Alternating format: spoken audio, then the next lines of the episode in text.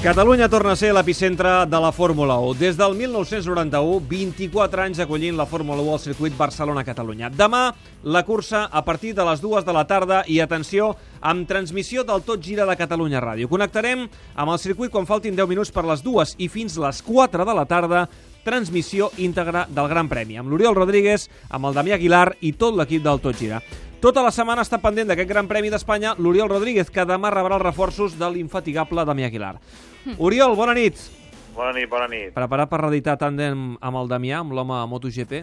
Ja m'està bombardejant a WhatsApp, ja, ja tremolo perquè diu que a quarts de cinc de matí anirà Uh, camí, camí del circuit. Per cert, esteu parlant de molts ulls i no sé si el Salmurri també està controlant aquest festival d'Eurovisió, que, que el, el, la representant d'Àustria té més barba que ell, gairebé. Vull dir que La no. Ribey, eh? Escolta, doncs mira, de- aquesta, aquesta televisió que tenim aquí, que no hi Sí, posem res, Eurovisió, posar eh? Eurovisió. Eh? Ara està actuant França, lamentable també el pentinat d'aquest cantant, però la, re- quedeu-vos amb la representant d'Àustria, que té més barba que Ramon Salmurri. Per, i... per, parlant d'ulls, victòria per Kei Nishikori, davant de David Ferrer, s'ha imposat per 6 a 3. El tercer 7, 7 a 6, 5, 7, 6, 3. A David Ferrer, que li ha aguantat fins a 10 pilotes de partit en contra. Finalment, Nishikori ha tancat el partit i serà la final davant de Rafael Nadal. Molt bé, no sabia, Oriol, que eres un gran fanàtic de- d'Eurovisió. Conchita Wurst. Home, i ara està sonant Waterloo. Això va guanyar el 1974. Carai, però quin domini que tens, no? Perquè la Marzó l'altre dia em parlava d'aquesta cançó i em vaig quedar amb aquesta dada. De, del Conxita, eh, eh, o sigui, l'estic buscant a Twitter. Conchita Wurst, si us plau. Ara estic veient imatges de Conchita Wurst. Sí, Però Què et sembla? Té, Eh, té més bé. barba que Salmurri. sí, sí, té una retirada, Salmurri, fins i tot. Sí, eh, sí. Mira, s- s- Home, sort és que Sí. aquest divendres... faltar, aquest puc faltar, divendres home, perquè se eh, m'està acusant, no, després moment. renegaré i dirà, Salmo, com et passes? Bueno, al Club de la Mitjanit et vam veure en un vídeo fent gimnàstica rítmica amb Sí. un estil Corni. que podria sortir Sí, avui millor. amb Corni. Conxita Eurovisió. Aneu al Facebook, el no, veureu. aneu a, aneu a, Millor Salmurri, millor Salmurri que no entris per aquest tema perquè sortiràs perdent. Va, va, parlem de Fórmula me 1, mareo. uh, amb un ull posat la, al Festival d'Eurovisió. Um, Oriol, Catalunya és el primer Gran Premi a Europa. Han passat tres setmanes des de l'últim Gran Premi, que va ser la Xina. Això vol dir més temps pels equips, pels enginyers, per treballar, per actualitzar els monoplaces, però a l'hora de la veritat tot segueix igual, perquè avui els entrenaments oficials domini de Mercedes i pole position per Lewis Hamilton, seguit del seu company d'equip, de Nico Rosberg. Sí, però, vaja, és que no és que Mercedes continuï dominant, sinó que ells han fet tres passos endavant i algunes escuderies, per exemple, que han fet un, un passet endavant i, i algunes altres un passet enrere. Eh? Hamilton s'ha portat aquesta pole position, demà té tots els números per uh, treure-li el liderat a, a Nico Rosberg, que el separen tots just 4 punts. Daniel Ricciardo continua sense fallar. Jo crec que és perquè aquest home, la temporada passada, portava un Toro Rosso, aquest any ha caigut un Red Bull a les mans i amb això pot fer meravelles, eh? acostumat a, a un altre cotxe. Uh, tercera posició per Ricciardo, en un dia en què Sebastian Vettel, el seu company, ha continuat tenint problemes mecànics, ha estat sancionat, haurà sortit demà des de la quinzena posició, per tant, un desastre. Bottas també ho ha fet molt bé avui, aquesta quarta posició per Williams. Trobem el ressorgiment de Roman Grosjean, un Lotus a la cinquena posició. Ha vist Alonso com Raikkonen també li ha guanyat avui aquesta classificació, sortirà sisè. Alonso s'ha de conformar demà sortint des de la setena posició, però, per exemple, de Raikkonen a Hamilton, dos segons, és una autèntica barbaritat. Ferrari no recuperarà aquest temps en tota la temporada perquè és completament impossible. Baton sortirà des de la vuitena posició i a la cinquena fila Massa i Hulkenberg, perquè, com deia en Vettel, ha quedat relegat de la desena a la quinzena posició. El que està fent Mercedes és una autèntica barbaritat, un cotxe dominador, jo crec que gairebé més que aquell Red Bull de Sebastian Vettel de la temporada passada, i més que el Brown GP de, de Baton, que va guanyar sis de les set primeres curses del 2009. El que fa a Mercedes aquesta temporada és per treure's el barret. Uh, ja ho sabeu que al Tot Gira de Catalunya Ràdio tenim el nostre analista particular, és l'Albert Fàbrega. Albert, bona nit. Hola, molt bona nit. Uh, per treure's el barret el que fa Mercedes i ara ho deia, eh? tres setmanes sense Fórmula 1 podríem pensar que algun equip es trauria doncs, alguna sorpresa, alguna actualització per retallar distàncies, però no, és que aquesta gent a, sobre eh, encara amplien més les diferències. Sí, sí, a més amb un traçat com el de d'aquí de Barcelona a Catalunya, en el qual es premia una mica més els monoplaces més eficients aerodinàmicament, que treballen més bé l'aerodinàmica per sobre dels uh, motors, d'aquests motors que han sigut la referència en aquestes quatre primeres proves i que havien donat aquest avantatge tan còmode als uh, monoplaces de l'Estrella de Plata. Ni una cosa ni l'altra. Mercedes ha treballat molt bé, ha continuat evolucionant el, meu, el seu monoplaça i està mantenint aquesta distància que ara mateix comença a ser ja eh, perillosa a l'hora de no solament decidir el destí d'aquesta cursa d'aquí de Barcelona, sinó d'allà del que ve per davant al Mundial de Fórmula 1, perquè normalment els monoplaces que aquí al circuit de Catalunya van bé uh -huh. tenen una bona base per qualsevol dels traçats que venen fins al final de temporada. És allò que es diu, no?, que qui va bé a Catalunya va bé tot arreu.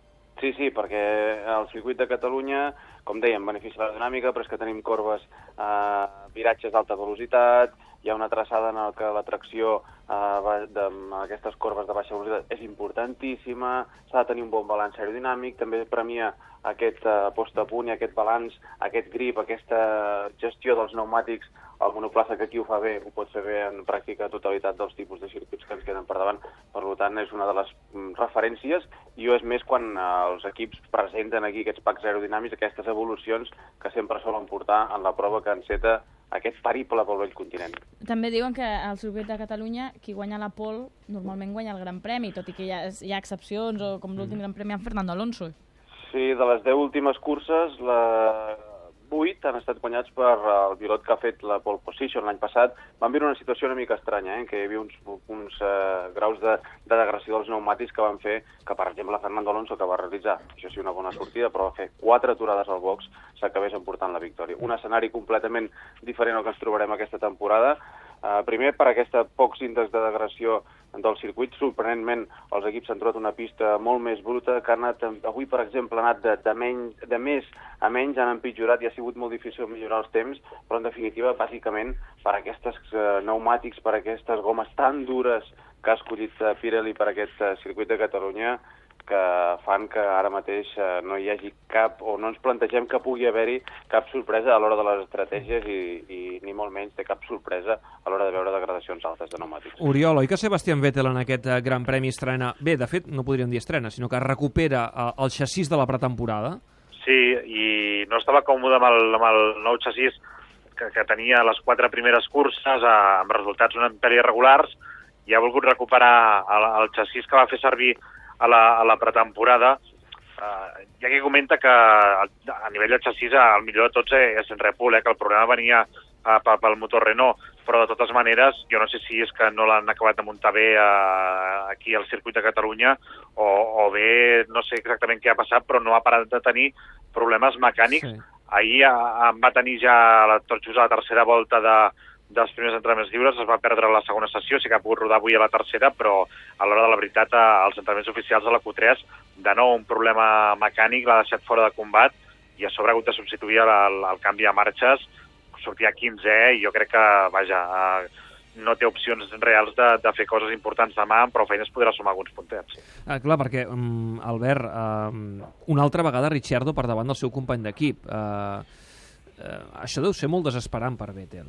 Deu ser desesperant per Vettel, per un quatre vegades campió del món, que a més a més ha acumulat quatre curses, potser només amb una cursa que podem salvar eh, respecte a, la, prestacions que ha demostrat el seu company d'equip, un pilot jove, un pilot que no en té ni molt menys l'experiència, que no ha treballat amb l'equip com ha treballat el pilot alemany, i en definitiva es tractava d'arribar aquí al circuit de Catalunya, canviar el xassís, un xassís igual, però és un xassís eh, d'aquests que es diuen un canvi de xassís psicològic. Eh? Hi ha un apartat tècnic, òbviament els xassís que havien utilitzat fins ara eren els que havien fet els crash tests de la Federació Internacional i potser hi hauria algun indici que pogués fer haver fet eh, que el pilot alemany no trobés aquests bons feelings que necessita un pilot per expremar al màxim les prestacions del monoplaça. I per una altra banda hi havia un fet claríssim, un fet psicològic que a vegades fa falta, que és posar un punt eh, i a part en un principi de temporada que no ha sigut massa bo pel pilot alemany, era canviar el xassís, posar pàgina en blanc, començar a treballar de nou, i era un punt en què el pilot alemany podia començar una nova temporada. Mm. Primer, aquests problemes elèctrics que van fer canviar pràcticament la instal·lació elèctrica tot el monoplaça, avui aquests problemes en la transmissió, sembla que ara tota la mala estrugança que acumulava Weber l'any passat i que es havia traslladat a Richardo, ara es traslada a Vettel. Mal començament, demà sortirà P15, veurem si és capaç de deleitar-nos amb una bona cursa, perquè el monoplaça, això sí, el Red Bull, de moment, i aerodinàmicament continua mantinguent aquest estatus del millor cotxe aerodinàmicament parlant del, dels de la grella. Una última cosa, Albert, uh, Ferrari, gairebé sempre, això és com el dia de la marmota, eh? Uh, parlem primer de Mercedes, que mm, molt per damunt de la resta, uh, en Vettel, que té problemes, el seu company d'equip el, el supera, i Ferrari, que continuen decebent i decebent i decebent. I pensaven que potser arribant a Montmeló, que és un circuit que se li ha donat sempre molt bé a Fernando Alonso, les coses podrien millorar una mica. El problema és que els registres d'avui són molt i molt dolents. Mm, dolentíssims, dolentíssims, i més i quan encara estem parlant de que Ferrari, els de Maranello aquí han portat moltes evolucions, han portat una ala posterior nova, han portat un Monkey Seat, han portat un capó motor nou... Però què, què, què hauran portat... de fer al final, Albert, per, per, per millorar? Perquè ho han provat tot.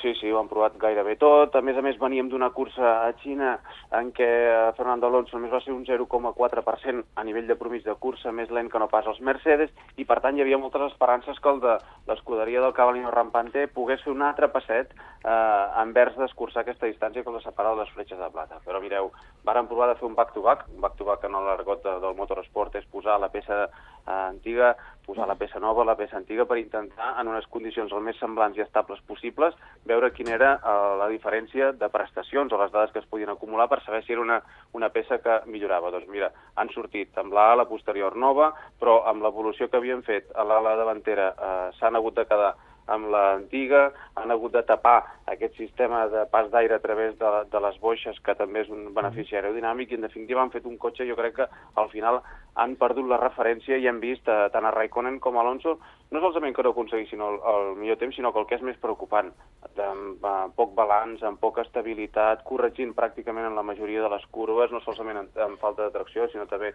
en falta d'adherència a mitja cursa, a, a, mitja, a mig viratge. En definitiva, una altra involució d'aquells que ens tenia acostumats la temporada passada i que semblava després el que havíem vist a Xina que podien posar-hi eh, o que Ferrari estava encaminant-se de veritat, no per l'arribada de Matiachi ni molt menys, però semblava que tècnicament l'escuderia Maranello podia ser l'alternativa.